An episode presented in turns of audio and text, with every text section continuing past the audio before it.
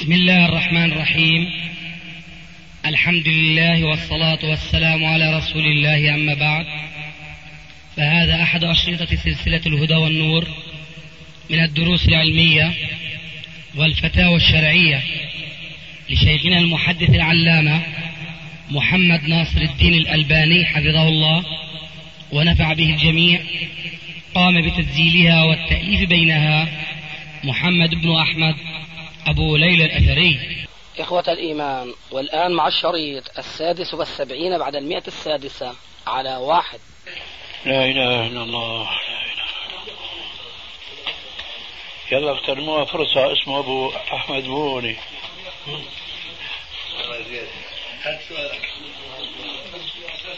الثاني شيخنا بعيد شوي الآن إذا جاء يعني فهم الراوي لحديث للحديث الذي يرويه. هناك قاعدة يعني نعرفها أنه يقدم على فهم غيره. هل هذه تكون مضطردة دائما؟ أم أنها يعني لها ضوابط تقيدها؟ مثل ما قلنا آنفا ما في شيء مضطرد يعني نادر جدا. فلابد من تقييد مثلا إذا كان فهمه يخالف نصا. يخالف رواية أخرى يرويها ثقة. فحينئذ هذا الفهم لا يعتد به.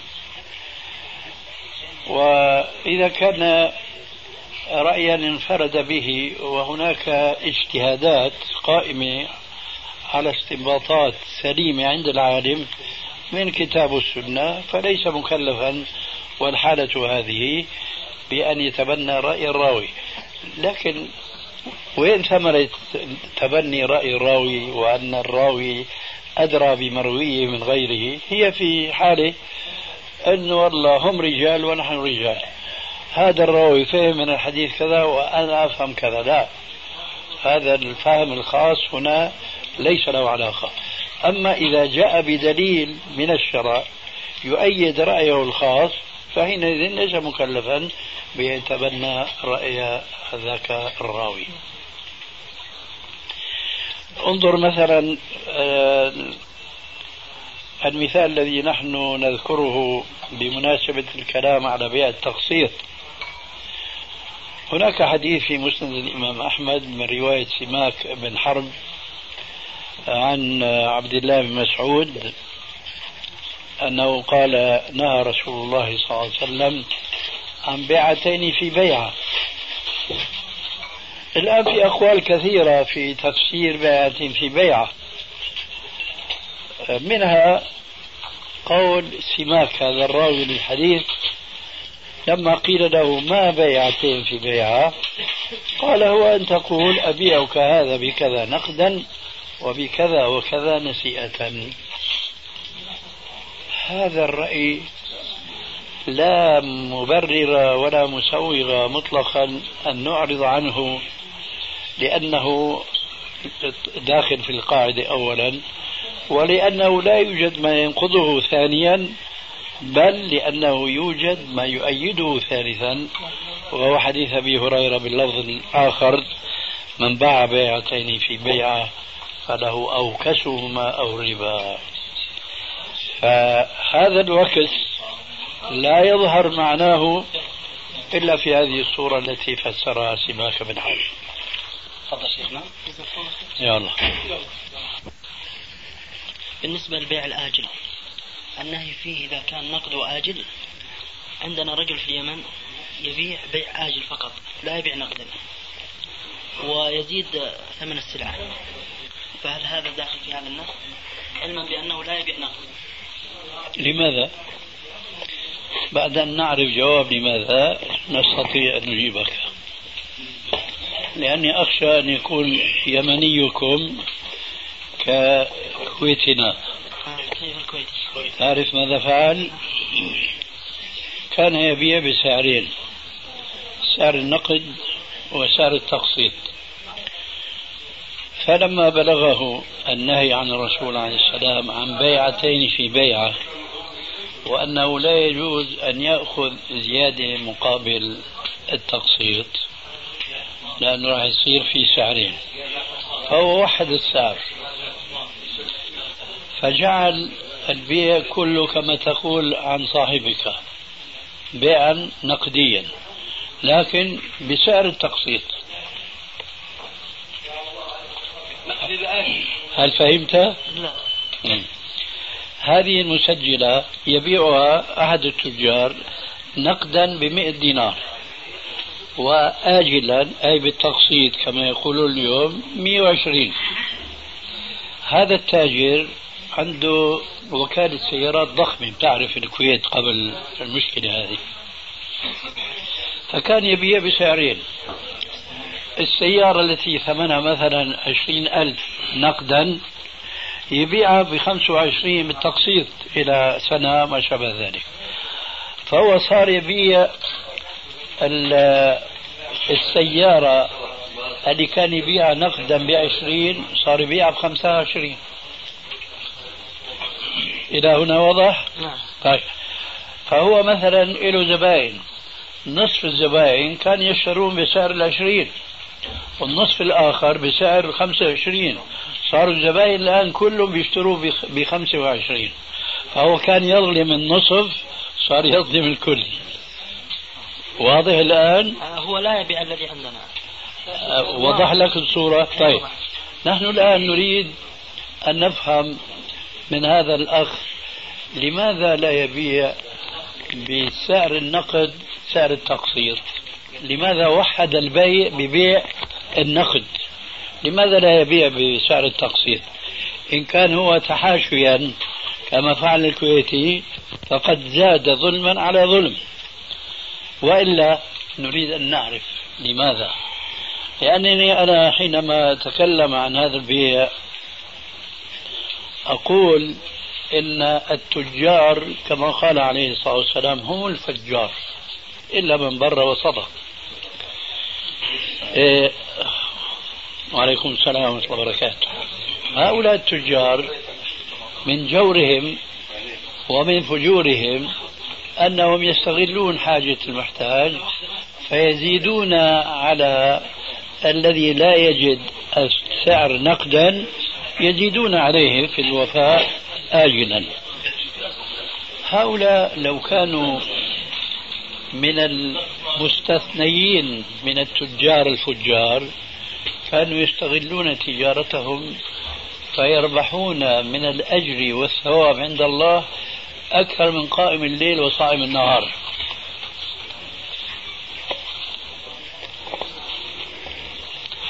أسمعت؟ كانوا يكسبون عند الله عز وجل أكثر من ثواب قائم الليل وصائم النهار. كيف ذلك؟ يقول الرسول صلى الله عليه وسلم في بعض الأحاديث الثابتة قرض درهمين صدقة درهم. قرض درهمين صدقة درهم. أي أنت إذا أقرضت أخاك المسلم درهمين كأنك تصدقت بدرهم لوجه الله. فإذا أقرضت صاحبك المسلم مئة دينار كأنك تصدقت بخمسين وعلى ذلك فقس. الآن هذا التاجر كلما باع بيع بسعر واحد هو سعر النقد. لكن ليس سعر النقد الكويتي انتبه. فكلما ربح. أضعاف مضاعفة. لأنه هذا التاجر يا بيع بعشرة آلاف يا بعشرين ألف. فإذا أقرض الشاري للسيارة عشرين ألف كأنه تصدق بعشرة آلاف. الله أكبر. تجارة رابحة جدا. لكنهم حب الدنيا وكراهية الموت الذي جاء في الحديث المعروف لديكم جميعا هو علة الأمراض القائمة اليوم في المجتمع الإسلامي. إذا تبايعتم بالعينة وأخذتم أذناب البقر ورضيتم بالزرع وتركتم الجهاد في سبيل الله سلط الله عليكم ذلا لا ينزعه عنكم حتى ترجعوا إلى دينكم. والحديث الآخر ستداعى عليكم الأمم كما تداعى الأكلة إلى قصعتها قالوا ومن قلة نحن؟ يا رسول الله. قال لا أنتم يؤذن كثير ولكنكم غثاء كغثاء السيل ولا ينزعن الله الرهبة من صدور عدوكم ولا يقذفن في قلوبكم الوهن. قالوا وما الوهن يا رسول الله؟ قال حب الدنيا وكراهية الموت. فإذا حب الدنيا حب المال من أي طريق جاء هو المسيطر الآن على أغلب تجار المسلمين إلا من عصم الله وقليل ما هم. فإذا هذا التاجر عندكم ما عرفنا لماذا لا يبيع بسعر التقسيط وهو ربح له. هو هو يشتري. هو إيش؟ يشتري. يشتري بآجل. مثلا يشتري السلعة سيارة. مثلا سعرها في السوق مئة ألف يمني. فهو يشتريها بمئة وعشرين ألف. لمدة ثلاثة أشهر على المئة وعشرين. فبعد أن تنتهي المدة يعطيها يعني كاملة 120 فما حكم صورة هذا البيع؟ ما هو سواء هو بائع يشتري ما يبيع. سواء البائع أو الشاري يا أخي. لعن الله آكل الربا وموكله وكاتبه يعني وشاهديه ربا. ما يجوز. المجتمع الإسلامي مترابط بعضه مع بعض. جزاك الله خير. كما تعلمون حفظكم الله أن الرواة أن الحفاظ أخذوا في رسم الصحيح والحسن عدالة الراوي. وكثير من الحفاظ ومنهم الحافظ ابن حجر عرف العدالة أو رسم العدالة فقال هي ملكة تحمل الراوي على التقوى وملازمة المروءة وفسر أيضا التقوى في نفس الكتاب في نفس كتاب النخبة قال هي اجتناب الأعمال السيئة من بدعة أو فسق أو بدع أو أو شرك. إيه، هنا طرأ عندي إشكال. في الصحيحين وجد رجال من المبتدع. كان يكون خارجي أو رافضي إيه، أو مرجي فما توافق يعني هنا حصل تناقض بين تعريف الحافظ ابن حجر لرسم العدالة وبين المثال الواقعي في كتب صحيح الصحيح. أي نعم. فما, فما التوفيق بين هذا التعريفات وبين ما وجد في الصحيح؟ نعم. أي نعم بارك الله فيك. أنا أظن أن الإشكال جاء من جهة آه، الوقوف عند بعض الألفاظ في تعريف العدالة دون شرح لها من واضعها. أي واضع هذه الألفاظ نعم. في مكان آخر. فمثلا البدعة البدعة عند الحافظ وعند غيره من حيث تعلقها بالمبتدع هذا المبتدع له حالتان له حالة من حالتين إما أن يكون داعية لها أو ليس داعية لها واضح؟ طيب.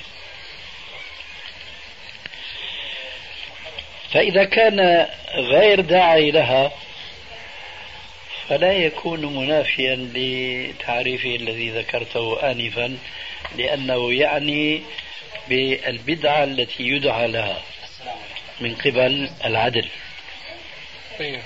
واضح؟ يعني كان أن يقيد كان عليه أن يقيد البدعة إي نعم نعم. لكن هو المشكلة شو بتصير؟ لما واحد بده يضع تعريف إذا كل عبارة بده يقيدها فتصير محاضرة. فهو بيضطر إنه يختصر ما استطاع وبيشرح فيما بعد في أماكن أخرى. شيخنا طب إيش راي حضرتك في تعريف العدالة؟ سبقتني الله يهديك. أنا أقول هذا باعتبار أنه في قولين بالنسبة للمبتدع، إما أن يكون داعية أو أن لا يكون داعية. فإذا كان غير داعية فهو عدل فإذا انضم إليه الصدق والحفظ فهو حجة. طب شيخنا بارك الله فيك. آه، آه، قرأت قديما لكن لا أحفظ اسم الراوي أنه وجد في الصحيح من هو داعية داعية إلى بدعته. وجايك الكلام الله يهديك. أنا عم أحكي بالنسبة لما وجد في المصطلح وك... وك... كعلم يتبناه جماهير العلماء. أي نعم. يقسمون العدالة البدعة إلى قسمين. أي نعم. وعرفتها أي نعم واضح. نعم. لكن هناك رأي آخر. أي نعم. وابن حجر نفسه يتبناه. نعم. وهو العبرة في الرواية هو أول شيء الإسلام والعدالة. م. ثم الحفظ والضبط. نعم. فإذا كان هناك رجل مبتدع مبتدع نعم. وداعي إلى بدعته. لكن من الثابت عندنا أنه من حيث إسلامه هو مسلم. نعم ثم من حيث ضبطه فهو ضابط. نعم ومن حيث صدقه فهو صادق فهو حجة ولو كان مبتدعا داعيا. أي نعم. وعلى هذا يحمل صنيع الشيخين.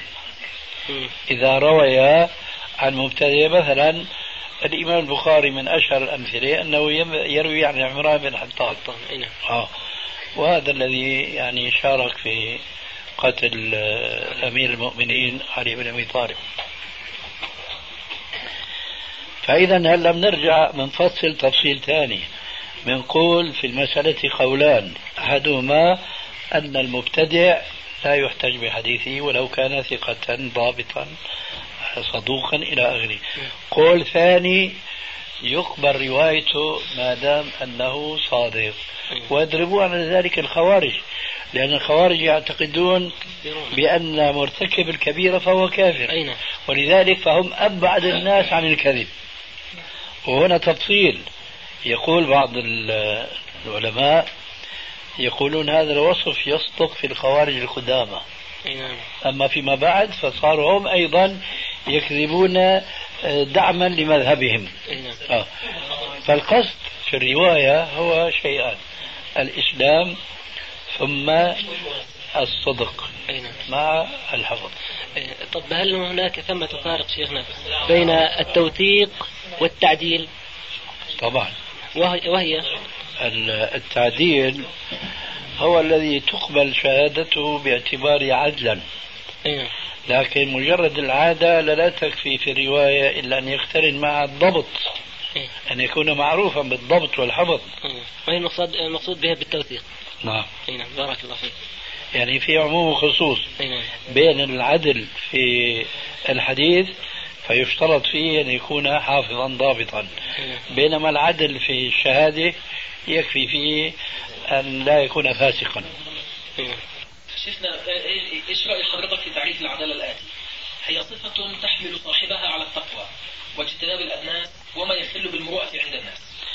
نحن لا نقول صفة لأنه قد يكون متكلفا ومطيعا لله عز وجل حتى صار عادلا أم عدلا. أما أن يقال صفة معناها هي طبيعة وغريزة ما أنا ما أعتقد بهذا. لو قلنا هي مظنة صدق الراوي لأن دخل ت- تحت هذه مثلا المبتدع وغير مما ذك- ذكرت الآن. مظنة إيه؟ صدق الراوي العدالة. ما, ما رأيكم في هذا التعريف؟ مظنة صدق الراوي. أن نعرف العدالة بأنها مظنة صدق الراوي. فمتى؟ الصدق أيضا لا يكفي يا أخي لأنه الشاهد يجب أن يكون صادقا وألا لا يكون عدلا. المهم في الموضوع في التفريق بين الرواية والشهادة هو الحفظ. أي نعم واضح. والضبط. مش الصدق. الصدق واجب في الأمرين. ولا مش واضح؟ يعني واحد بده يشهد إنه رأى فلانا يفعل كذا. ما هو يشترط إنه يكون صادق؟ لا ما يشترط. العدالة. ترك لي العدالة نعم. عم نحكي عن الشاهد. نعم. الشاهد يريد أن يقول أنا رأيت فلانا يضرب فلانا أو يأخذ مال فلان.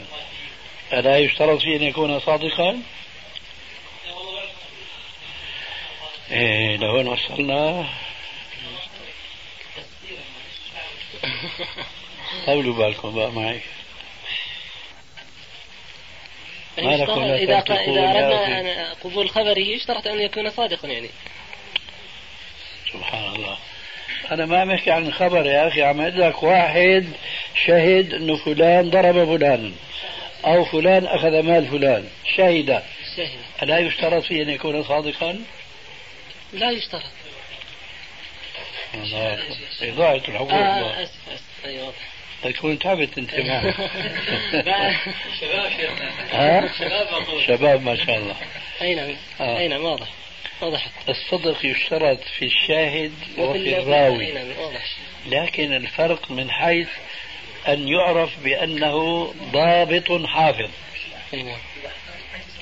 لأنه هذا الراوي الضابط الحافظ يعني هذا مخه بيمتلئ بعديد بالعشرات بالمئات بالالوف من الروايات. أي نعم. هذا لازم يكون إيش؟ متين في الضبط. بينما هذا الشاهد شاف حادثة.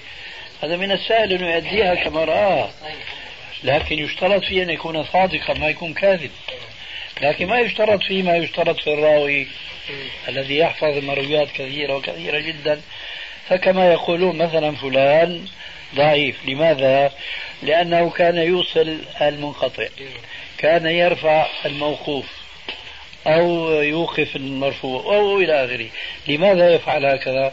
لأنه تختلط عليه كثرة الروايات التي امتلأ مخه بها وما في عنده ذلك الضبط والحفظ المتين فيلحق بالضعفاء الذين لا يحتج بهم. ثم هؤلاء ينقسمون قسمين منهم من يكثر منه الخطأ فيقال إنه ضعيف جدا لا يستشهد به. منهم من لا يكثر فيقال استشهد به. لكنهم أحيانا يقولون فلان يكذب فلان كذا. لكن القسم الأول بيقولوا صدوق ما يكذب. لكن كما يقول آه، ابن حبان في كثير من تراجمه يقول أنه كان رجلا صالحا ولكن حدث بالمنكرات أو عن الثقات وجاء بالأباطيل عن كذا إلى آخره. غير متعمد. لأنه كان صالحا أي كان صدوقا في نفسه. تفضل هذا معلش مستعجل اسمح لي. إحنا مستعجلين نحدث عليهم مرة ثانية. معلش اسمح لي. شيخي بالنسبة للراوي لو روى الحديث بالاسناد النازل والإسناد العالي آه، بصير هيك؟ يعني في مانع يعني أن يروي الراوي الحديث بالإسناد النازل والإسناد العالي.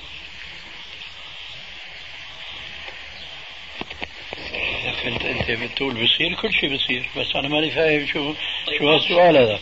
شو نعم؟ مثال. لا قبل المثال. شو الهدف من السؤال بصير ولا ما بصير؟ ما هو الهدف.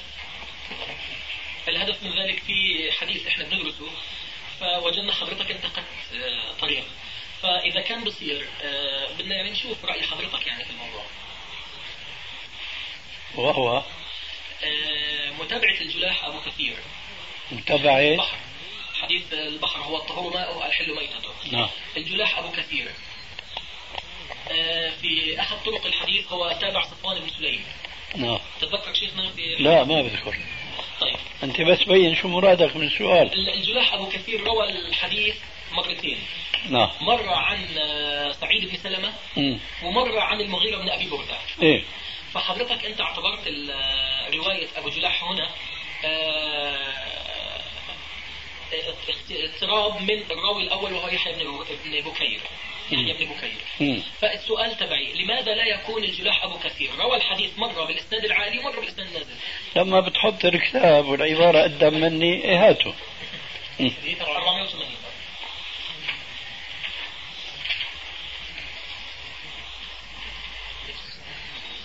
وبعدين جناح انت ضابطها بضم الجيم. أي نعم الحافظ جناح. جلاح جلاح جلاح الجلاح آه, آه جلاح لأنه أنا عم اسمعها جناح. لا لا سيدي الجلاح جلاح أبو كثير.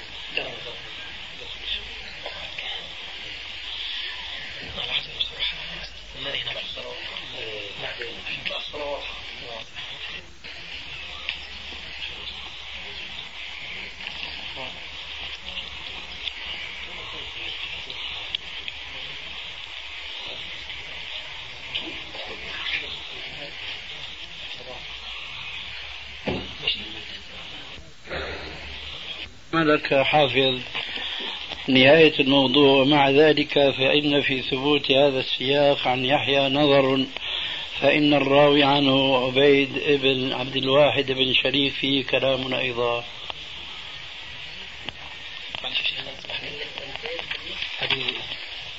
خاتمة الموضوع.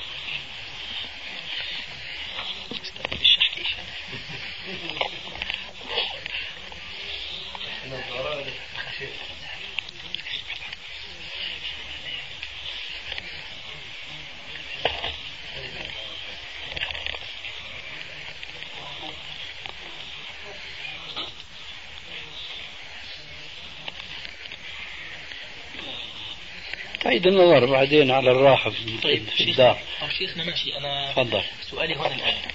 شيخ شيخ أنت بتقول الأول أنه أدخل بين الليث نعم يا أخي. والجلاح يزيد بن أبي هذا لما بيصح السند إليه يرد كلامك. لما بيصح؟ السند إليه يرد كلامك. أما أنت شوف الخاتمة إنما الأعمال بالخواتيم طب شيخنا هذا الحديث. أنت عم ترجع الأول شوف الأخير. يعني طب ماشي ماشي. بالنسبة لحديث قتيبة مش صحيح؟ معلش أنا بدي شوي علي لا لا ارجع اقرأ البحث عندك في الدار. شوف النهاية. نعم ماذا أسمح لك؟ في عندك هون راويين اختلفا؟ في عندي روين اختلف طيب. اختلفا في الإسناد؟ إي نعم طيب. وأحدهما أوثق من الآخر. طيب. في مثل هذا الاختلاف يقال ماذا؟ يقال طبعا تقديم كلام الأوثق. جميل جدا. على هذا دار البحث أولا. نعم. ثم في الأخير هل كنا ممكن نجعلها رواية كما أنت تريد أن تقول؟ قلنا أن الراوي عن هذا الشخص الذي اختلف عليه ثقتان هو فيه كلام في ضعفه. فإذا انتهى الموضوع أن الرواية واحدة وهي الراجحة. طيب معلش نعد قليلا لل- لمسألة المخالفة شيخنا. نعم. هل أعتبر أنا شخصيا الآن أن هذا قانون بالنسبة لكم في أن الراوي إذا إذا كان في في الحديث الذي هو من رواية واحدة جاء من طريقين. أحدهما أوثق من الآخر. آه، هل يا ترى أعتبر أنا أنه إذا كان في في في في السياق آه، راوي يروي الحديث بالعالي والنازل علما ال- المحدثين أثبتوا له له السماع من الاثنين من العالي ومن النازل. هل بمجرد أن يكون هناك أي آه، أي إذا كان هناك هذه المخالفة وكان في في طريق آخر رواه من هو أوثق منه. نعتبر ذلك أن ذلك قدحا في الرواية؟ سامحك الله. ما هو تعريف الحديث الشاذ؟ الشاذ هو مخالفة الثقة لمن هو أوثق منه طيب، أو هذا مخالفة التعريف. الثقة. مجموعة الثقات هذا التعريف لا ينطبق هنا.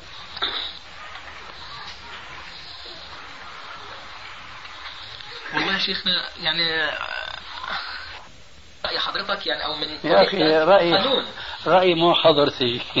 رأي علماء الحديث في فمك. آه صحيح. إذا اختلف ثقتان. آه. وقفا رفعا إرسالا إيصالا إلى آخره. نعم. فإن استويا قدم الزايد. نعم. وإن اختلف قدم رواية الأوثق. هذه مسألة واضحة. طبيعة المخالفة هنا لأن إحنا وجدنا الحاكم يعتبر هذه الرواية ولا يعتبر ذلك مخالفة. وجدنا الزيلعي أيضا في نصب الراية لا يعتبر ذلك مخالفة. دعني هلا والزينا يا الله يهديك طبق القاعدة التي أنت تؤمن بها. هل خالف الزيلعي ما هو شيخنا أنا للآن لم ينقدح عندي أنه مخالفة. ما أنا- مشان هيك بسأل حضرتك ولو انقدح أنه مخالفة ليش سألتك أصلا؟ ما ما قلت هذا. ما قلت هذا. أنا الآن أقول لك آه، أي رواية أرجح عندك؟ رواية قتيبة. قتيبة. رواية قتيبة. طيب والمرجوحة؟ أرجوك يا شيخي أنت الآن أنت يعني أنت أنت تسألني. الله يبارك فيك. ليش جاوبت هناك؟ ما جاوبت هنا؟ يا شيخنا. لازم نقول بقى؟ الله كي تكون مرجوحة. في البال. أنا يا شيخي ما اعتبرت لسه رواية مرجوحة بارك الله فيك. لو اعتبرت أنها يا أخي مرجوحة ليش عم تحكي كلمة وطاء نعم. في عندك راجح مرجوح هنا ولا لا؟ لا. لا جاوبت قبل شوي. خلاص. لا. كيف لا؟ أيوة ممتاز. شو ممتاز؟ شو هو الممتاز؟ الله يهديك. رجل هون ضيف ووقته غدا بدنا نخسره. بكرة بده يسافر. الله يحييك. ولذلك هلا بدون ما نفسح له مجال إنه ينتقدنا نعم. ون- ونضيع وقته. فأنت ما شاء الله مقيم هنا وإن شاء الله نشوفك كل هلال. ما نشوف ما نستغنى. ما نستغنى. وعليكم السلام ورحمة الله. وليلى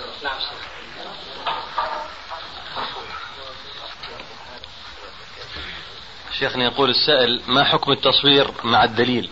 بارك الله فيكم. ويقول أيضا يعني الشق الآخر حكم المصور والمصور يوم القيامة. صحيح أنه السؤال مختصر بدك الجواب على هذا النمط ولا كيف؟ يعني بشيء بسيط يعني شيخنا. تكرمت؟ هذا يحتاج إلى محاضرة بارك الله فيك. عندنا شيخنا محاضرة. نعم. من أول. شيخنا عندنا بهذا الموضوع محاضرة طيبة. شيخنا ثلاث أسئلة للأخوة اللي استضافونا يعني اصبر قليلا. نعم.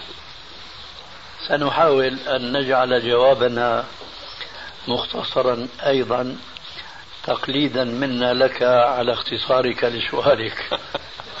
جزاك الله خير شيخ. أما فيما يتعلق بالمصور فحسبه حديثان اثنان. لعن الله المصورين. يقال لهم أحيوا ما خلقتم. الحديث الثاني والأخير. من صور صورة كلف أن ينفخ فيها الروح يوم القيامة وما هو بنافخ. أما الذين يستعملون الصور فلهم حالتان. الحالة الأولى وهي العامة أنه لا يجوز لهم أن يستعملوا الصور بكل أنواعها وأشكالها ما دامت من ذوات الأرواح أما الكلية التي ذكرتها فهي سواء كانت يدوية أو كانت فوتوغرافية أو كانت بالفيديو. هذه الصور كلها لا يجوز للمسلم أن يستعملها. هذه الصورة الأولى والعامة. الصورة الأخرى هي التي يضطر إليها المسلم و الاضطرار له أنواع وأشكال. فبالنسبة لعامة الناس صور الهويات والجوازات ونحو ذلك. بالنسبة لخاصة الناس كالأطباء مثلا فقد يضطرون لتصوير صورة شخص لتشخيص مرضه مثلا. وكتصوير بعض الهيئات الحكومية لبعض الأشخاص المعروفين بالإجرام بالسرقة بالنهب بالسلب ونحو ذلك لاتخاذ ذلك وسيلة للقضاء على الجريمة. فما دار حول هذا النوع من الصور جاز استعمالها وإلا لم يجز وكانت آه، الصورة آه، محرمة لأنها تمنع دخول الملائكة. كما تعلمون من الحديث صحيح لا تدخل الملائكة بيتا فيه صورة أو كلب. وأنا من فضل الله عز وجل أنني أرى أمامي بعض الصور لوحظ فيها أن لا تكون من النوع المحرم لأنها فيما يبدو لي ليس فيها صور من ذوات الأرواح وإنما تمثل الطبيعة والغابة ونحو ذلك. وإذا كان المسلم له هوى في التصوير وفيما يسمى اليوم بالفن فليصرف فنه. إلى ما أباح الله له من الصور غير ذوات الأرواح. هذا هو الذي يساعد الوقت على اختصار الكلام فيه. شيخنا ما حكم من اشترى سيارة من الشركة بالتقسيط وذلك لعدم توفر المال النقدي؟ والسيارة كما تعلمون هي حاجة ضرورية في هذا الزمان. لا لا أعتقد إذا كان السائل يعتقد معنا أن بيع التقسيط الذي يؤخذ آه، زيادة في الثمن على الحاجة لا أعتقد أن هناك ضرورة لاستباحة هذا المحرم. إذا كان السائل يعتقد معنا أن هذه زيادة كما قال عليه السلام ربا. من باع بيعتين في بيعة فله أوكسهما أو الربا ويستفسر. فليس فليس هناك ضرورة مطلقا في أن يستحل المسلم أكل المال الحرام. إلا في حالة واحدة قد لا أتصور وجودها في هذه البلاد وذلك من فضل الله علينا وعلى الناس وهو أن يموت جوعا. هذا ما سمعنا به في هذه البلاد وإن كنا نسمع في بلاد في أفريقيا وذيك النواحي مجاعات ما ندري هي حقائق ولا هي مبالغات الله أعلم. لكن المهم الضرورة التي تبيح أكل الحرام هي الضرورة التي لولاها أو لم يتخذ, لم يتخذ السبب للقضاء على لازمها تعرض المسلم للهلاك فما أعتقد أن الإنسان ليستعمل سيارة سواء كانت سيارة آه، لركوب الشخص أو العائلة أو كانت لاستعمالها في البيع والشراء ونقل والحمل عليه وما شابه ذلك. والمسلم يجب أن يضع أمام عينيه دائما وأبدا قوله تبارك وتعالى وأن ينطلق منها دائما لا تغيب عن باله وعن قلبه وهو قوله عز وجل ومن يتق الله يجعل له مخرجا ويرزقه من حيث لا يحتسب. أنا أعتقد أن من مصائب العالم الإسلامي ككل غياب الإيمان الصحيح من قلوبهم. لأن هذا الإيمان إذا حل في قلب أي إنسان قنع بأي عيش صعب ضنك لأنه يعتقد أن الله عز وجل في تقديره على الناس الضنك والفقر إنما هو بعدل وعلم بل وبحكمة فإذا آمن المسلم بهذه الحقيقة إيمانا جازما فحينئذ تطيب له الحياة مهما كانت حياته صعبة سواء من جهة المال أو من قلة الصحة أو من ضغط الطغاة والحكام الظالمين أو نحو ذلك فهو يصبر ويتدرع بالصبر ويتذكر قول الرسول صلى الله عليه وآله وسلم بالإضافة إلى الآية ومن يتق الله يجعل له مخرجا ويرزقه من حيث لا يحتسب. يتذكر معها قول النبي صلى الله عليه وآله وسلم عجب أمر المؤمن كله. إن أصابته سراء حمد الله فشكر فكان خيرا له. وإن أصابته ضراء صبر فكان خيرا له. فأمر المؤمن كله خير وليس ذلك إلا للمؤمن. وبناء على ما سمعتم من بعض كلمات الأستاذ أبو مالك جزاه الله خيرا خطر في بالي حديث والآن جاءت مناسبته ألا وهو قوله عليه الصلاة والسلام ليس الغنى غنى العرض ولكن الغنى غنى النفس. فمتى ما كان المسلم غني النفس فلا يجد ضرورة إلى أن يتعامل بالربا.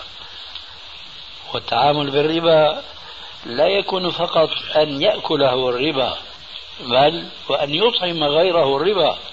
ولذلك قال عليه السلام لعن الله آكل الربا وموكله وكاتبه وشاهديه.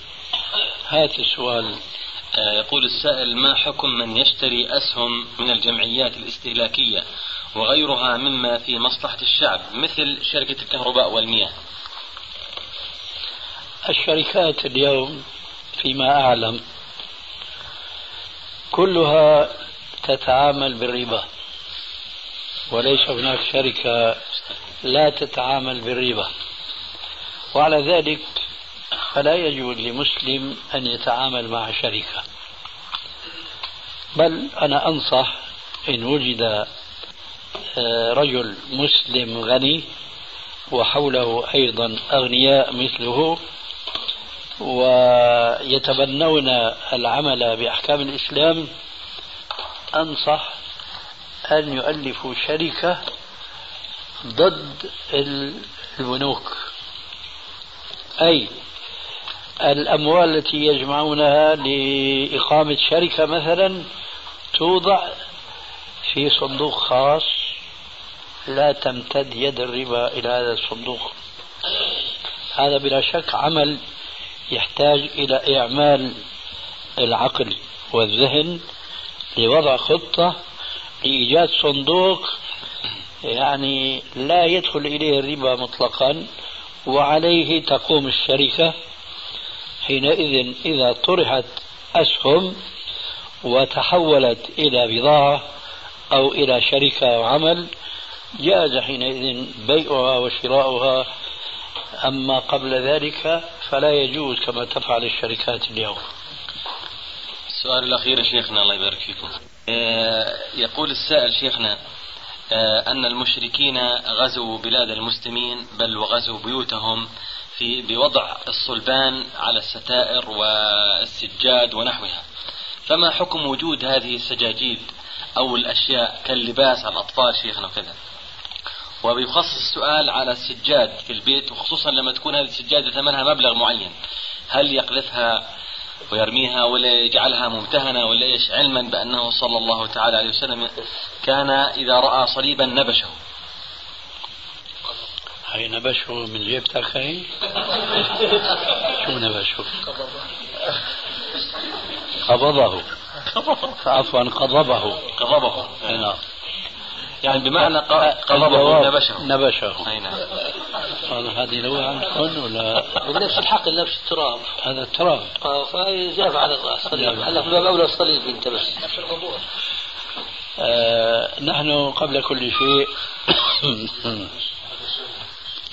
ننصح كل مسلم خاصة إذا كان له ذرية وأراد أن ينشئها تنشئة إسلامية أنه إذا أراد أن يشتري بساطا أو سجادا أو ثوبا قميصا أن يفليه كما يفلي الفقير قميصه من القبل. نعم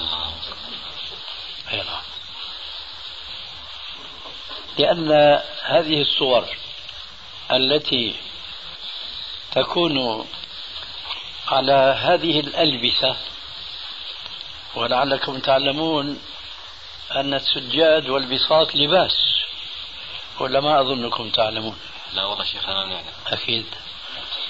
السجاد والبساط هو لباس. وهذا من فضل الحديث على الألباني الأعجمي. تعلم العربية من حديث النبي العربي. حيث يقول أنس بن مالك رضي الله تعالى عنه أن النبي صلى الله عليه وسلم زار بيته فصلى في حصير قد اسود من طول ما لبس. قد اسود من طول ما لبس. فأنا لو قلت لك ليش أنت لابس البساط تستغرب علي. بقول عنك ألباني. بقول ألباني. وفعلا أنا ألباني. نعم. يقول أنس بن مالك رضي الله تعالى عنه أن النبي صلى الله عليه وسلم زاره في داره وصلى على حصير قد اسود من طول ما لبس.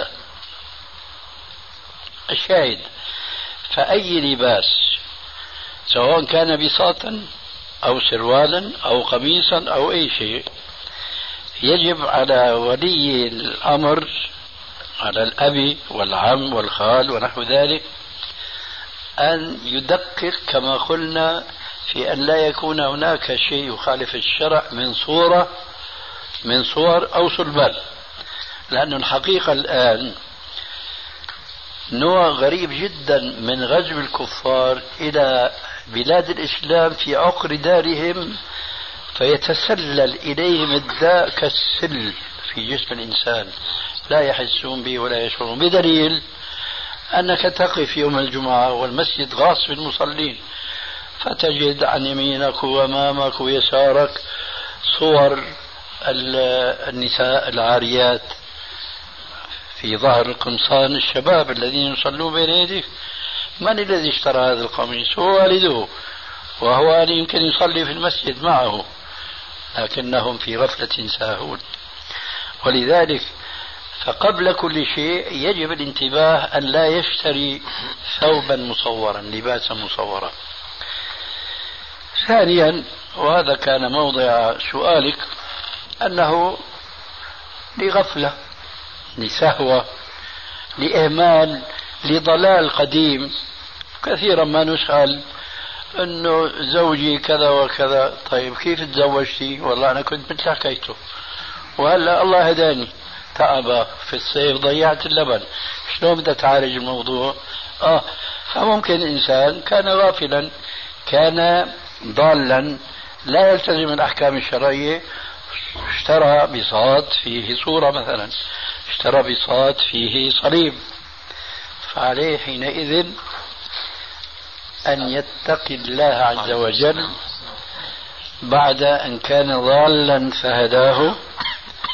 لا أقول أن يخضب الصليب أو الصورة فقد آه، يفسد البساط أو السجاد بهذا القضب. لكننا نقول إن الله عز وجل من حكمته في خلقه أنه كما ألهم نبيه عليه السلام أن يقول بلسانه ما أنزل الله داء إلا وأنزل له دواء أو شفاء. علمه من علمه وجهله من جهله.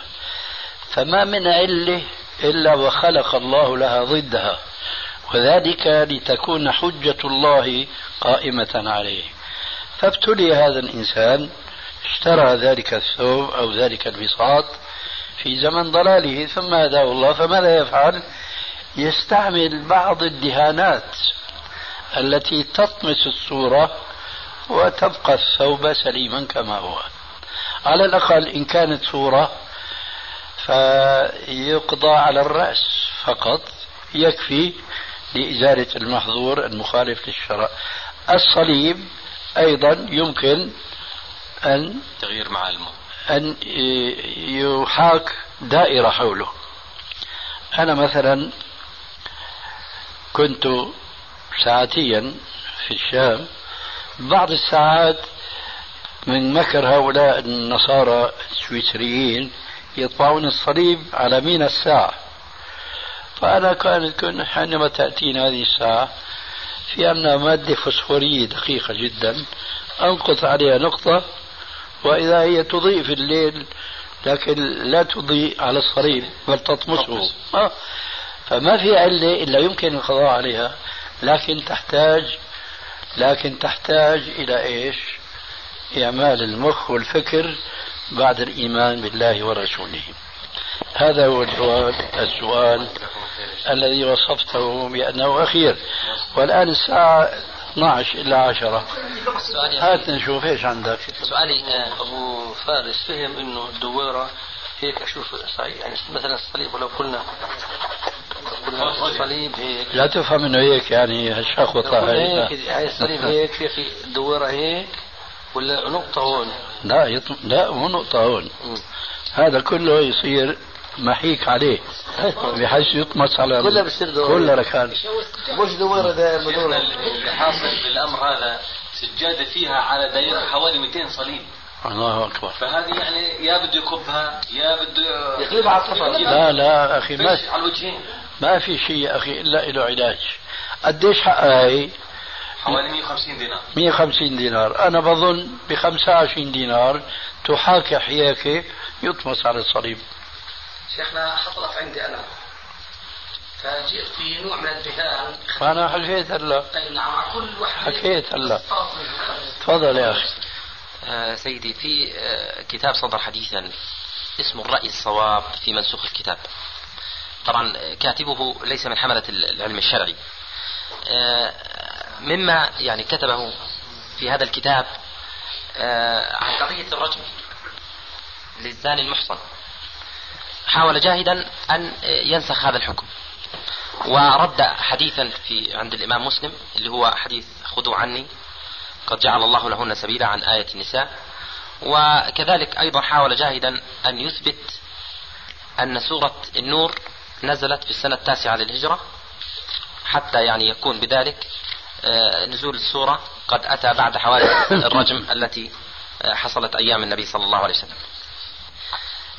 حقيقة المفسرون يعني آه، لهم أقوال آه، في هذه الآيات لكنها يعني آه، في نهايتها لا تثبت آه، في حدود علمي الرجم.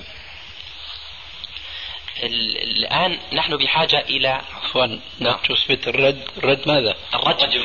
ها، الرجم. نعم الرجم. آه كيف لا تثبت الرجم؟ أنت ما قلت أنه في بالحديث؟ نعم نعم. طيب. بالحديث آه. آه. لكن يعني قصدي أنا بالنسبة للرد على هذا الرج على هذا ال- ال- الكاتب. نحن بحاجة إلى آه، إثبات وقائع أو بعض المرويات بعد نزول سورة النور.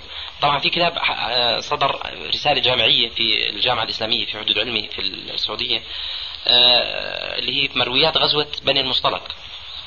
ويثبت فيه أن الراجح في سورة النور أنها نزلت في السنة الخامسة للهجرة. وبالتالي يكون الرجم حدث بعدها رجم الغامدية وماعز آه، نحن بحاجة إلى لإثبات أو لبعض المرويات التي آه، تثبت بعض الوقائع وقائع الرجم بعد آه، موت النبي صلى الله عليه وسلم. فإن كان في علمكم تفيدنا. حسن. جزاكم الله خير. قبل أن أجيبك لماذا اهتممت بهذا الرجل وأنت نفسك وصفته بأنه ليس من أهل العلم؟ لماذا اهتممت به؟ تريد جواب؟ طبعا. أسأل أنت نعم. لماذا تسأل؟ أنا سألت آه، بالتأكيد. أنت حقيقة. لماذا تسأل؟ حتى أحصل على جواب. ها؟ نعم. وأنا كذلك مثلك. نعم نعم. حقيقة لكثرة. يعني ما دار حوله وفي بعض الردود آه، نشرت في بعض الصحف منها صحيفة اللواء. وأيضا في الجامعة عندنا في كلية الشريعة.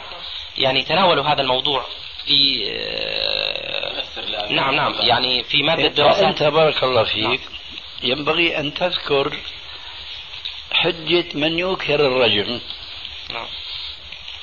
لنبطلها. أما وأنت ذكرت بلسانك حجة من يثبت الرجم في الحديث الصحيح. نعم. إذا ماذا تريد مني؟ أنا أريد فقط بعض المرويات عن. عن حوادث للرجم. معليش. لماذا؟ حقيقة فقط للرد العلمي عليه يعني هو آه، بعض المزاعم في في الكتاب لا تقوم على دليل. هذا هو يا أخي نعم. فأنا أنصحك أنت وغيرك أن لا تهتموا بالرد على كل ناعق هذا باب واسع لا نهاية له. نعم. اليوم أصبح العلم فوضى. كل من شعر بأنه يحسن أن يكتب عبارة ولو كانت مكسرة من الناحية العربية تكسيرا فهو يكتب ولا يبالي لأنه لا رقيب ولا عتيد.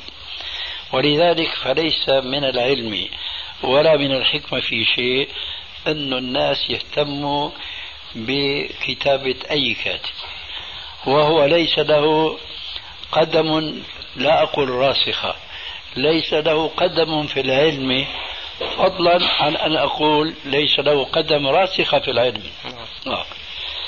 أما الجواب عن سؤالك فأنا أقول يوجد في الصحيح عن علي رضي الله تعالى عنه أنه جمع على امرأة زانية بين جلدها وبين رجمها جمع فيها الحدين وهذا الحديث يحارب صاحبك المبطل بسيفين لأنه هو ينكر أصل الرجم نعم.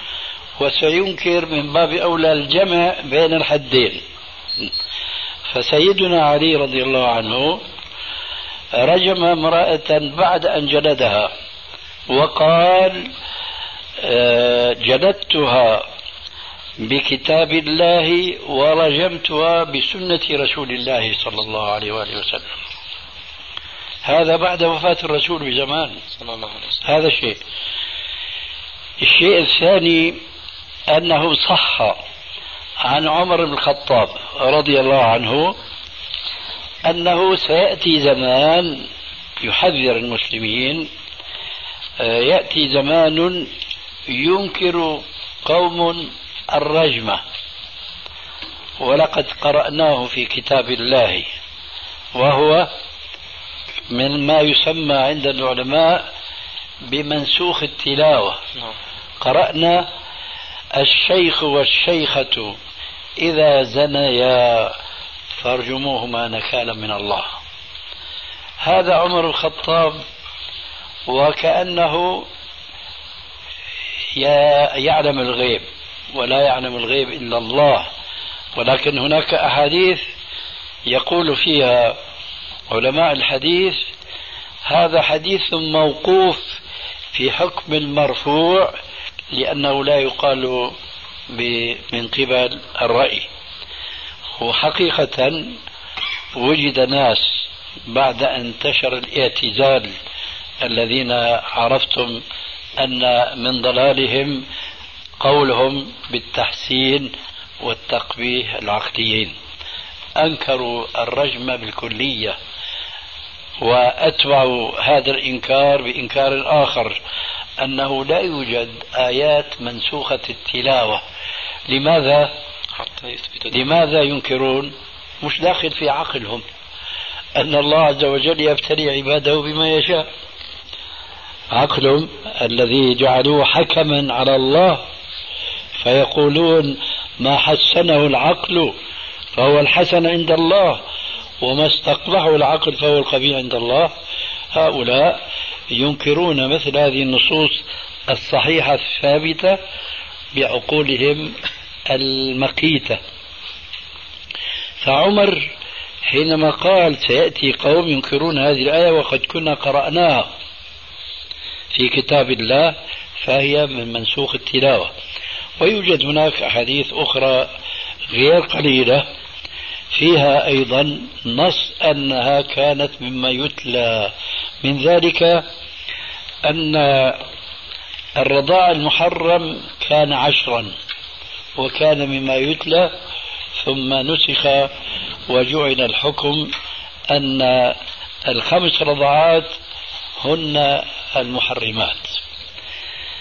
فهذا مما يحضرني الآن من بعض النصوص آه، تحقيقا وجوابا لطلبك. ثم قبل أن أنهي الجواب عن هذا السؤال ألفت النظر بأن كثيرا من الكاتبين اليوم يقلبون الحقائق الشرعية. فالأحاديث التي تروى بالأسانيد الصحيحة يرفضونها.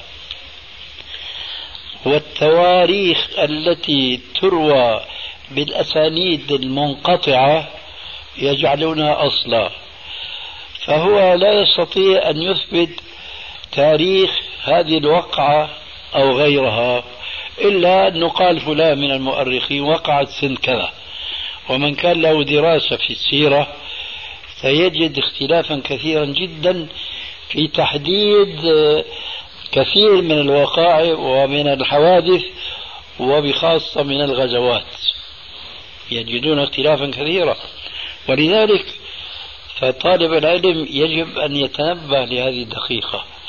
إذا كان هناك تاريخ يحدد حادثة وهناك حديث ظاهر الحديث أنه يتخالف مع تاريخ الحادثة. فلا تقم وزنا للتاريخ لأنه لم يروى بالسند وإنما أقم وزنا للحديث الذي روي بالسند.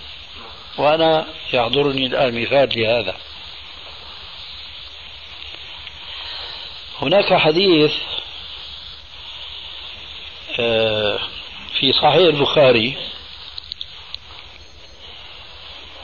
عن أبي هريرة رضي الله عنه قال بينما نحن نصلي وراء رسول الله صلى الله عليه وسلم صلاة العصر إذ برسول الله صلى الله عليه وسلم يسلم على رأس ركعتين. العصر أربعا صلى ركعتين. ثم انتهى ناحية من المسجد حتى يصف الراوي أن الرسول عليه السلام وضع إحدى رجليه على الأخرى. يستريح فقال رجل يعرف بذي اليدين. قال يا رسول الله أقصرت الصلاة أم نسيت؟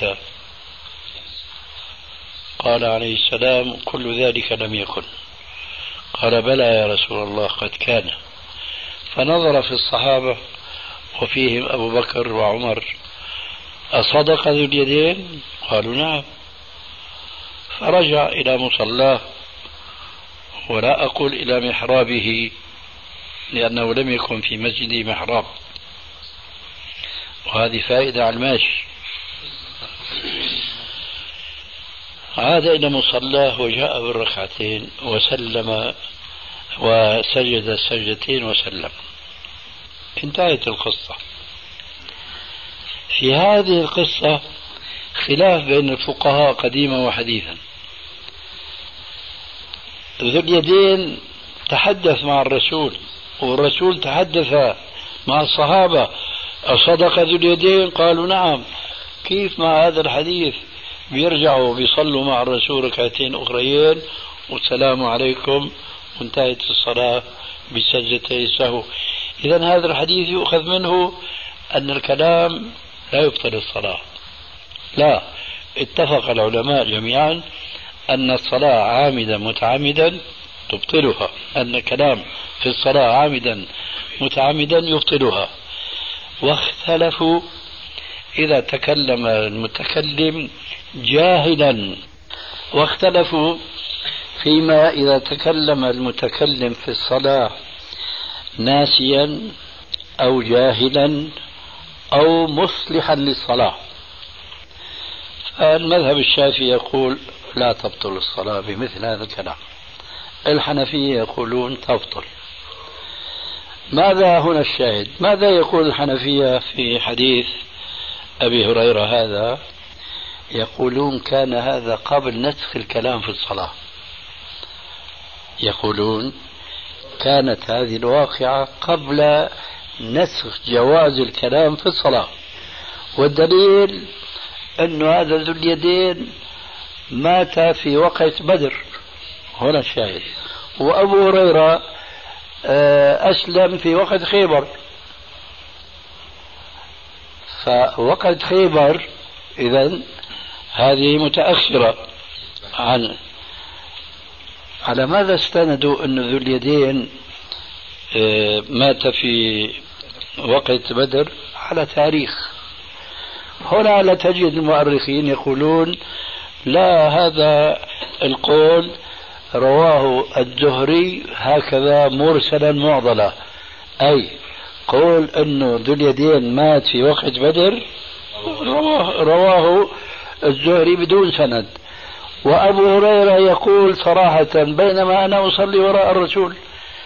وأبو هريرة أسلم بعد أو في حادثة آه، خيبر. إذا هذه الحادثة متأخرة عن النهي عن الكلام. فإذا النهي عن الكلام المقصود به الكلام ليس عن عذر الجهل أو عذر النسيان أو عذر إصلاح الصلاة. فإذا كان الكلام بسبب من هذه الأسباب الثلاثة فلا يبطلها. أما الكلام هات الكتاب وخذ الغرض إلى آخره وأنت تصلي هذا هو الذي يبطل الصلاة. هذا مثال لاختلاف الرواية بالسند الصحيح عن التاريخ المرسل المعظم. واضح؟ لذلك لما تقرأ هيك بحث يجب أن تنتبه أن هذا التاريخ يا أخي لا يروى بالأسانيد الصحيحة فلا نعوز بمثله إن كان هناك تعارض بين التاريخ وبين حديث هو بإسناد صحيح.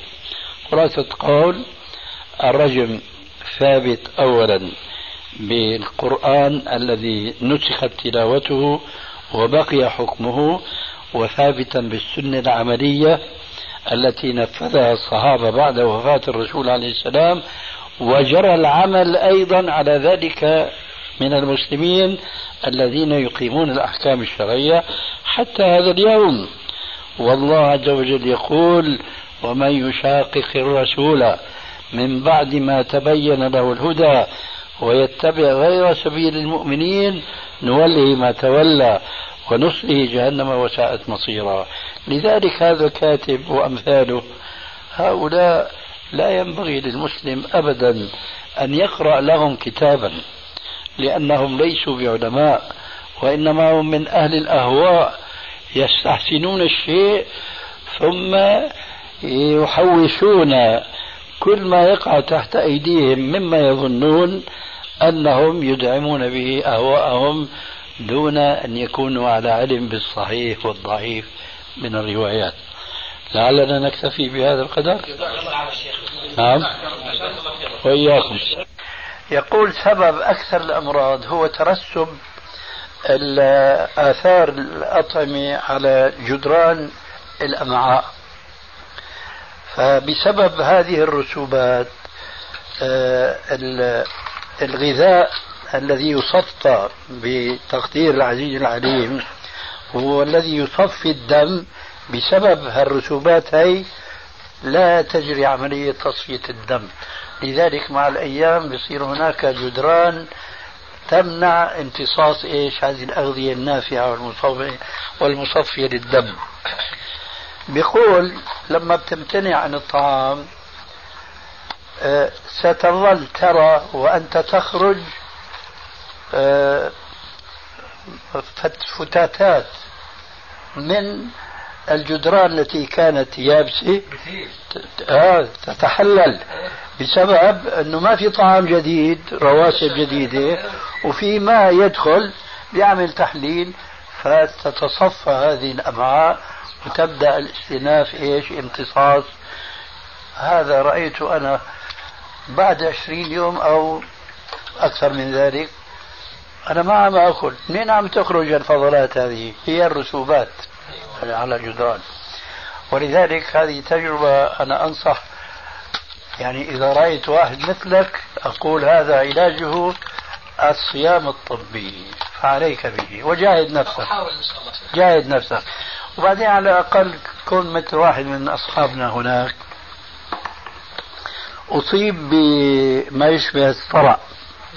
كان يكون جالسا بين أهله في الدار ما يشعر إلا قام وكسر أي شيء حوله. وراح تعالج في الجامعة الأمريكية في بيروت قديم هذا بالصدمات الكهربائية ما استفاد شيئا. في عندنا مستشفى ابن نفيس ما استفاد شيئا. إلى آخره. يوم من الأيام بيشكي لي فقل له يا أبو سليمان شو رأيك؟ تجرب هالتجربة اللي أنا جربتها. قلت له ما دام أنت يأس من العلاج هاي الجامعة الأمريكية أشهر أطباء هناك ما في فائدة فجرب حالك. الحقيقة هو كان يعني خايف من الموضوع لأنه لما بيسوى الإنسان 40 يوم بدون طعام وشراب ما بيظن إنه هذا الإنسان عم يحضر قبره كما يقال بظلفه. وفعلا أنا قيل لي من طلبه في الجامعة السورية بعد ما كنت صمت 23 يوم. كان لي جولة في شمال سوريا وصلت جولتي إلى بلدة اسمها إدلب شرقي غربي حلب. هناك أساتذة وطلاب والى آخره. شافوني ضمران. كل يوم نصف كيلو نقص وزن كل يوم. قالوا خير إن شاء الله. قلت لهم ما أنا في صدده. ولما فهموا أني أنا بدي صوم أربعين يوم قالوا لا أنا أنصحك أطباءنا بيقولوا أكثر من ثلاثين يوم فيعرض نفسه للموت. وأنا كملت المشوار وما صابني إلا الخير. المقصود هذا صاحبنا أبو سليمان صام سبعة أيام. ما استطاع يصبر. يعني سوى الطعام غلبته. لكن يقول أنا شعرت بالفرق. هالشعور هذا دفعه إنه يكرر بعد كم شهر. لعلك انتباه له بتاخذ درس يعني آه بتدرج الأدوية اللي ناخذها طيب أنا باستمرار آخذ أدوية.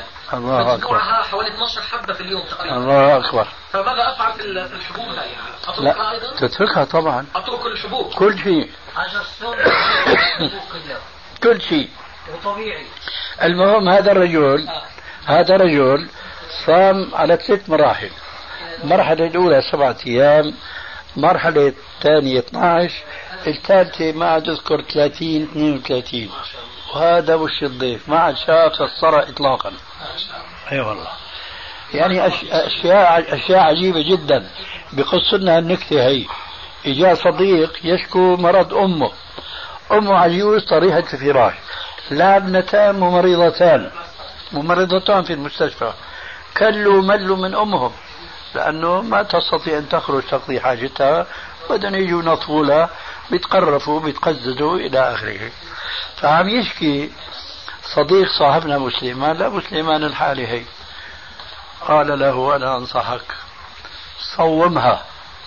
فهموا شو معنى الصيام. يعني قال له قال له حط الطاولة قدام منها وإبريق كاسة مي وبس. يا أبو سليمان يا عيود ونخاف تموت كذا. إيه بلا بقى حكي. أنتم مالكم مصدقين تموت. هلا أنت خايف تموت. إيه نعم. حطوا لها الإبريق والكاسة هي.